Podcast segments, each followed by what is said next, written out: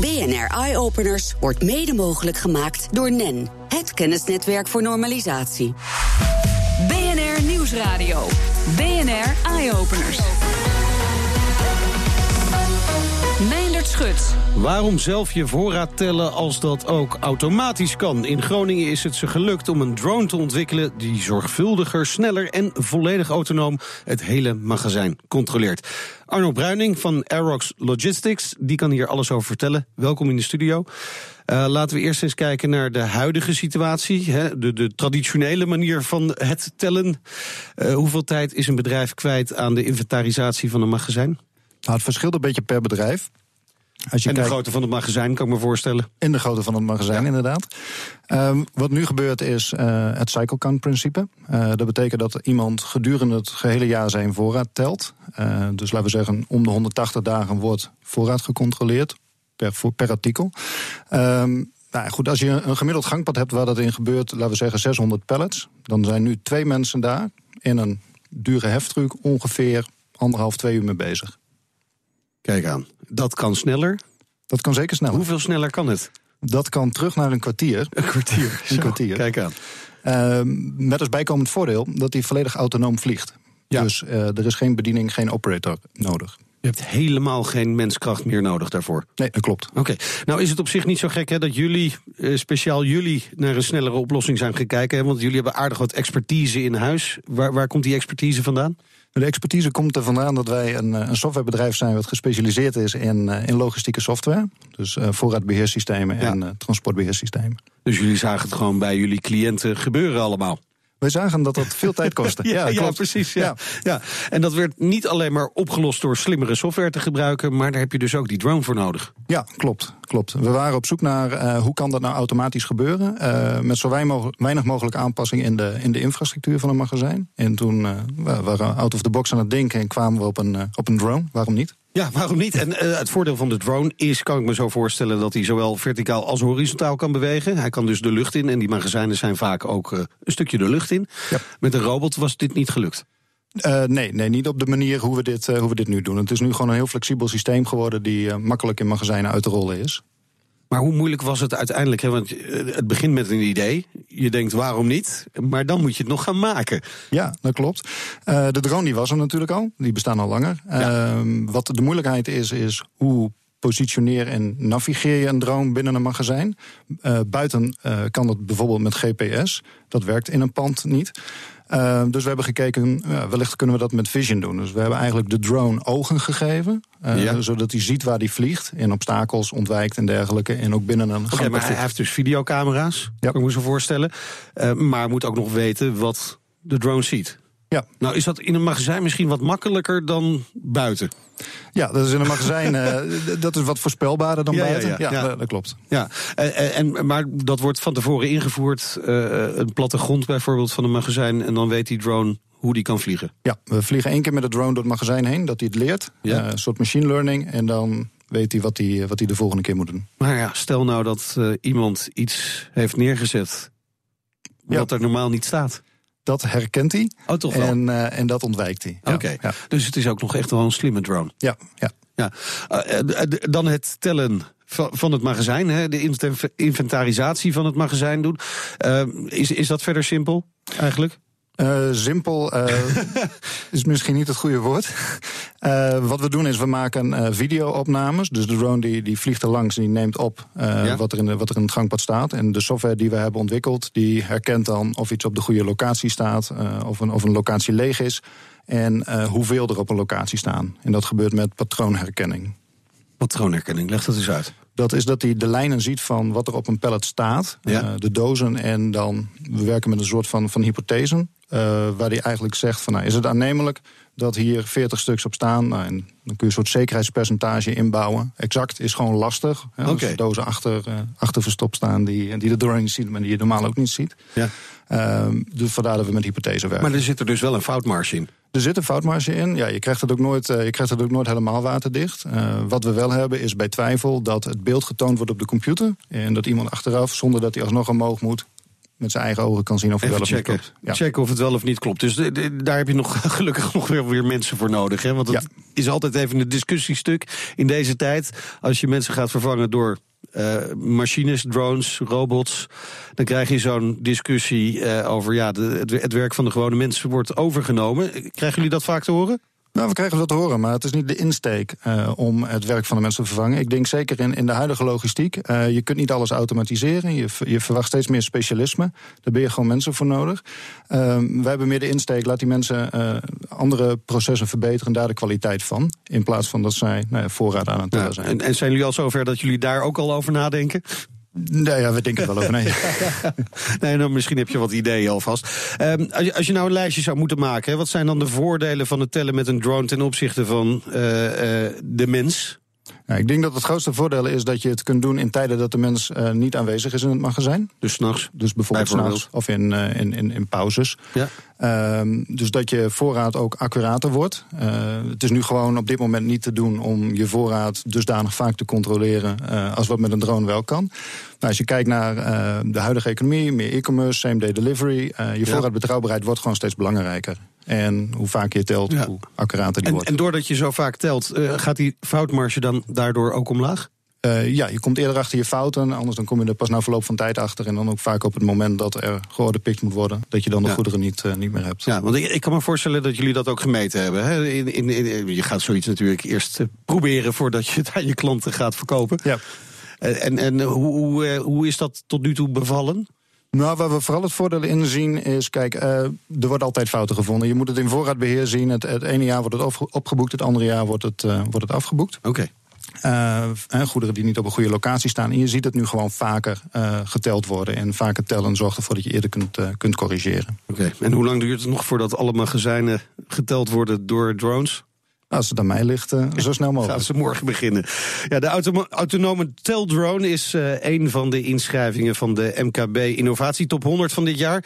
Die top 100 wordt samengesteld door de Kamer van Koophandel. En eh, van de Kamer van Koophandel is aangeschoven Klaas Damstra, coördinator van dit project. Leuk dat je er bent.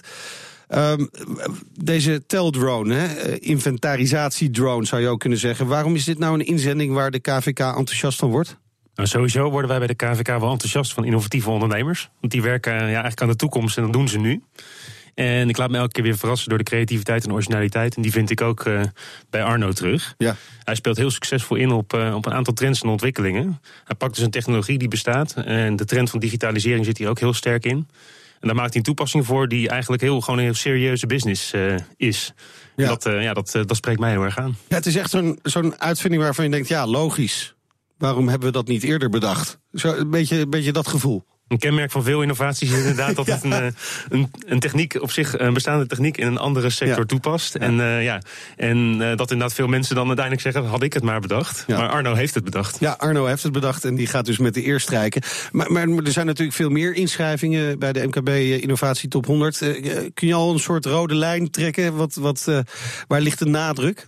Nou, als ik kijk naar het geheel, dan zien we gelukkig wel eh, ja, een grote variatie in de inschrijvingen. En dat vinden we ook heel mooi. Want innovaties komen eigenlijk van grotere bedrijven, van kleinere bedrijven tot aan ZZP'ers aan toe. Ik zie eigenlijk uit alle hoeken en gaten zie je innovaties komen. En dat is sowieso eh, al mooi. We zien wel ook wat terugkerende thema's. Als ik kijk, eh, bijvoorbeeld een, iets als duurzaamheid is, Ja. is eigenlijk niet meer weg te denken.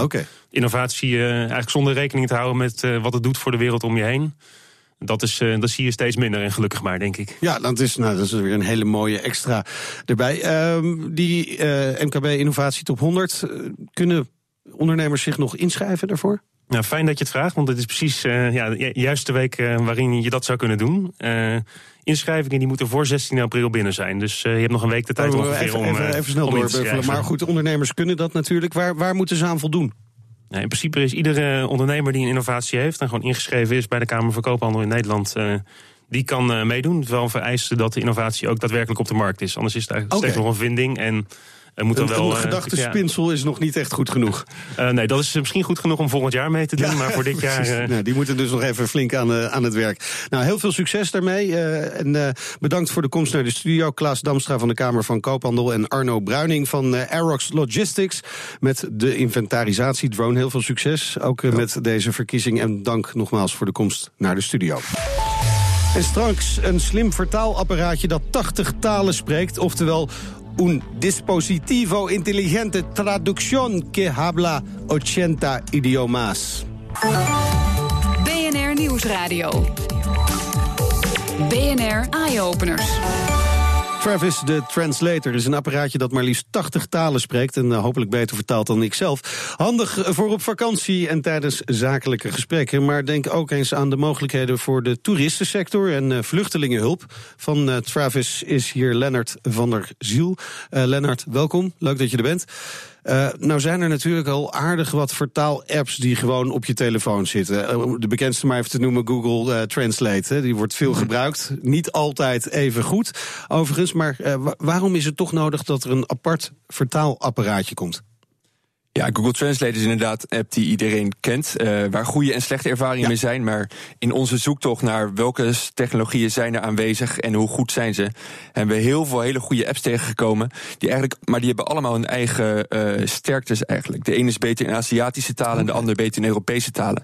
Dus toen kwamen wij op de gedachte van oké, okay, waarom integreren we die verschillende apps niet in de ene interface en maken dat zo gebruiksvriendelijk mogelijk beschikbaar? En we kwamen er namelijk ook achter dat apps op een telefoon ook tegen andere uh, zaken aanlopen. Zoals, Zoals ja, een batterij die uh, heel snel leeg gaat. Op het moment dat je je telefoon gebruikt voor het vertalen, kan je hem niet meer gebruiken voor andere dingen. Dus ja, dan zit je anderhalf uur met Japanners in een, vergader, in een vergaderzaal. En dan uh, ligt je telefoon anderhalf uur op tafel. Dus wij dachten van waarom brengen we dat niet onder in een apparaat die daar speciaal voor gemaakt is en een aantal kenmerken heeft die het, gebruik eigenlijk verbeteren. Oké, en daar, daar is dus Travis de translator uit uh, voortgekomen. Uh, er is altijd wel de vraag met taal, daar zit heel veel nuance in. En sommige talen zit nog meer nuance in. Eén woord kan wel dertig betekenissen hebben, bijvoorbeeld. Hoe goed is de translator daarin om die nuance aan te brengen? Ja, wat heel veel mensen uh, niet weten is dat, dat, dat elke maand deze technologieën uh, enorme stappen maken. Uh, dat komt ook doordat het steeds vaker gebruikt wordt. En al, al, het, al deze vertaaltechnologieën die zijn gebaseerd op artificial intelligence principes. Wat betekent dat hoe vaker het wordt gebruikt, des te beter het wordt. Het is eigenlijk één grote machine waar gewoon heel veel brandstof in moet. En dat, ja, het wordt steeds meer gebruikt, maar nog niet, nog niet massaal. En dat willen wij bewerkstelligen. Oké, okay, dus hoe, hoe vaker Travis de Translator op tafel komt bij een gesprek, hoe beter hij die verschillende talen kan beheersen en hoe beter de vertalingen dus ook worden. Zeker. Daar komt het op neer. Ja, maar ook omdat wij nu dus al 2600 uh, klanten hebben gevonden in een paar maanden.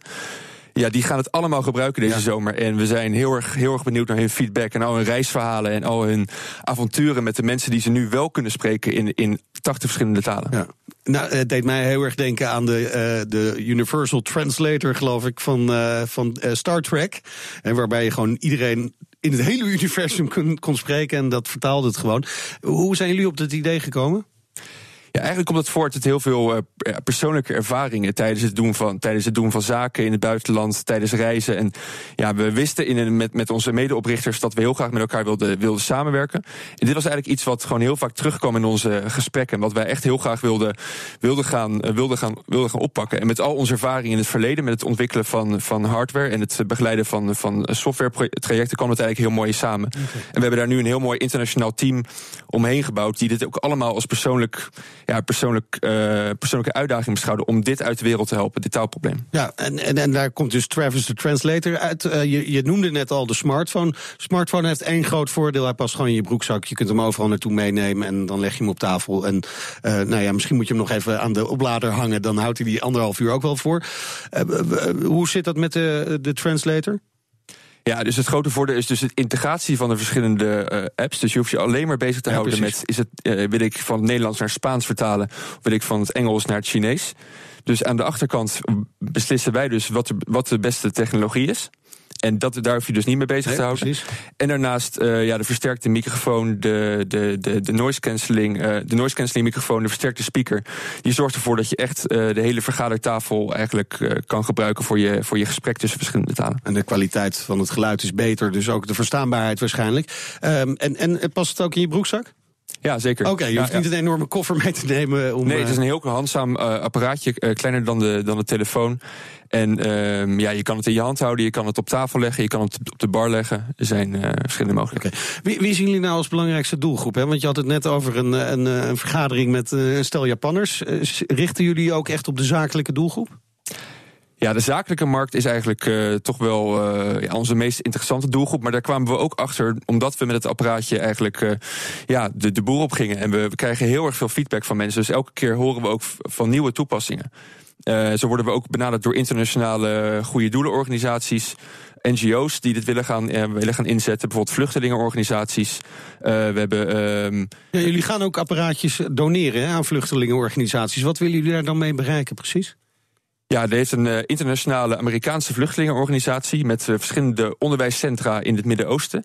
Die heeft gezegd: uh, jullie apparaat willen we een integraal onderdeel laten zijn van het, van het taalonderwijs dat wij aanbieden aan vluchtelingen. Dus echt in de eerste fase van het taalonderwijs, op het moment dat je nog niet contact kan leggen met, jou, met je leraar, ja. dan is het apparaat, ons apparaat eigenlijk door die organisatie aangewezen als, als hulpmiddel. Kijk, zodat vluchtelingen uh, de taal van hun nieuwe land veel sneller kunnen leren. Ja, dat kan echt een, echt een kickstart geven aan het leren, okay. aan het integreren in een nieuw land. Dat is ook al getest?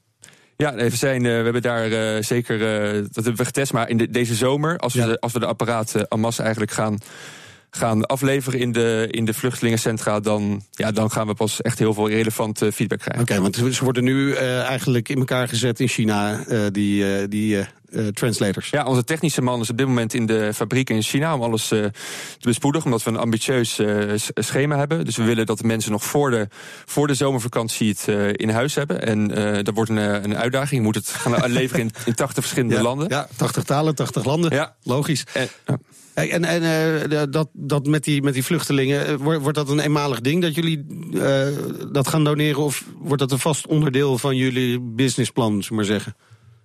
Ja, een vast onderdeel, omdat we nu al uh, meerdere vluchtelingenorganisaties hebben in, ja, in, Nederland, maar ook in het buitenland, die interesse hebben getoond.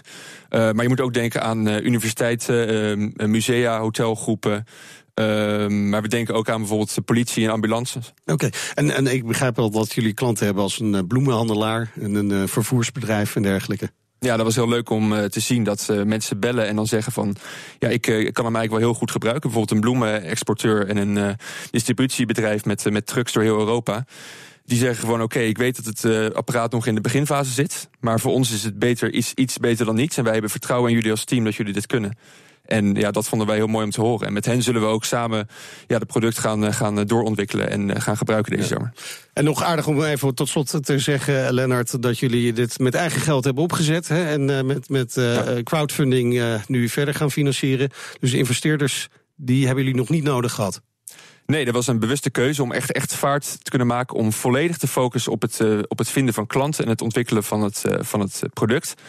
Uh, we zijn nu wel aan het. Uh, ja, ik zou wel, wel een oproep willen doen. Omdat we dus uh, ja, de groei willen versnellen. Ja. Om, om ja, dat investeerders kunnen zich wel melden bij ons. Oké, okay, bij deze gedaan. Dankjewel. Lennart van der Ziel. En heel veel succes met Travis, de translator. BNR Nieuwsradio. Meindert Schut. Ja, dus tijd voor de beste technieuwtjes uit het buitenland. Daarvoor hebben we zoals elke week aan de lijn hoofdredacteur van Numbers.nl, Elger van der Wel. Elger, welkom. Hallo.